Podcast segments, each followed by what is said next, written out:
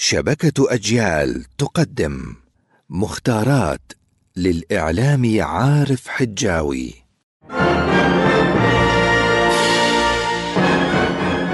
لا بد لنا من العلم ولا بد لهذا العلم من أن يأتينا محمولا على ظهر اللغة العربية.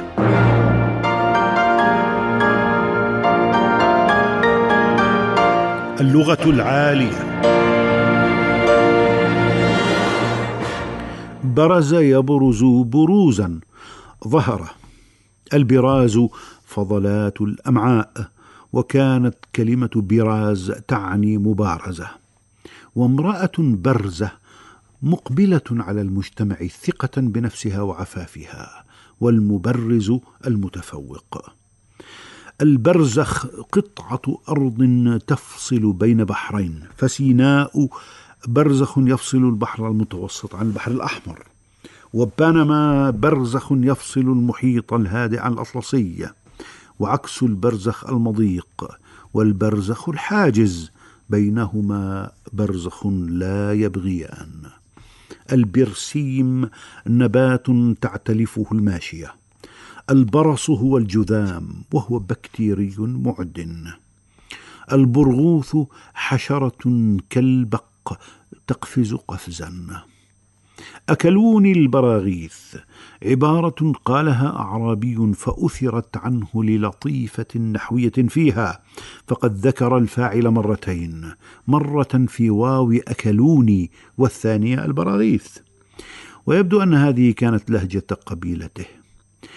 وإلا فلماذا يتكلم العرب اليوم في المشرق والمغرب بلغة أكلون البراغيث؟ يقولون سبقوني الناس وأعطوني أصدقائي هدية والصحيح سبقني الناس وأعطاني أصدقائي هدية وأكلتني البراغيث.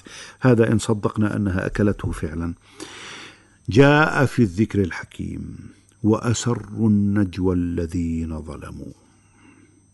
برق يبرق برقت السماء لمع فيها البرق وأبرق يبرق أيضا. وتستعمل لتوازي أرعد يرعد في التعبير. جاءنا غاضبا يبرق ويرعد. بارقة أمل. البارقة في الأصل السحابة التي تبرق مبشرة بمطر. مثال تمثل هذه الأرقام بارقة أمل في انحسار الركود الاقتصادي.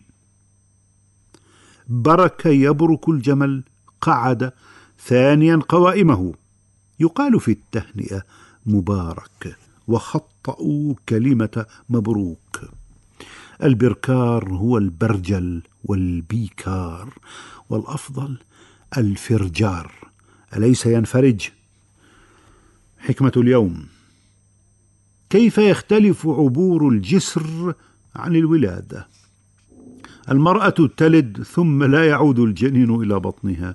على الجسر نلد ذهابا وإيابا. السلام عليكم.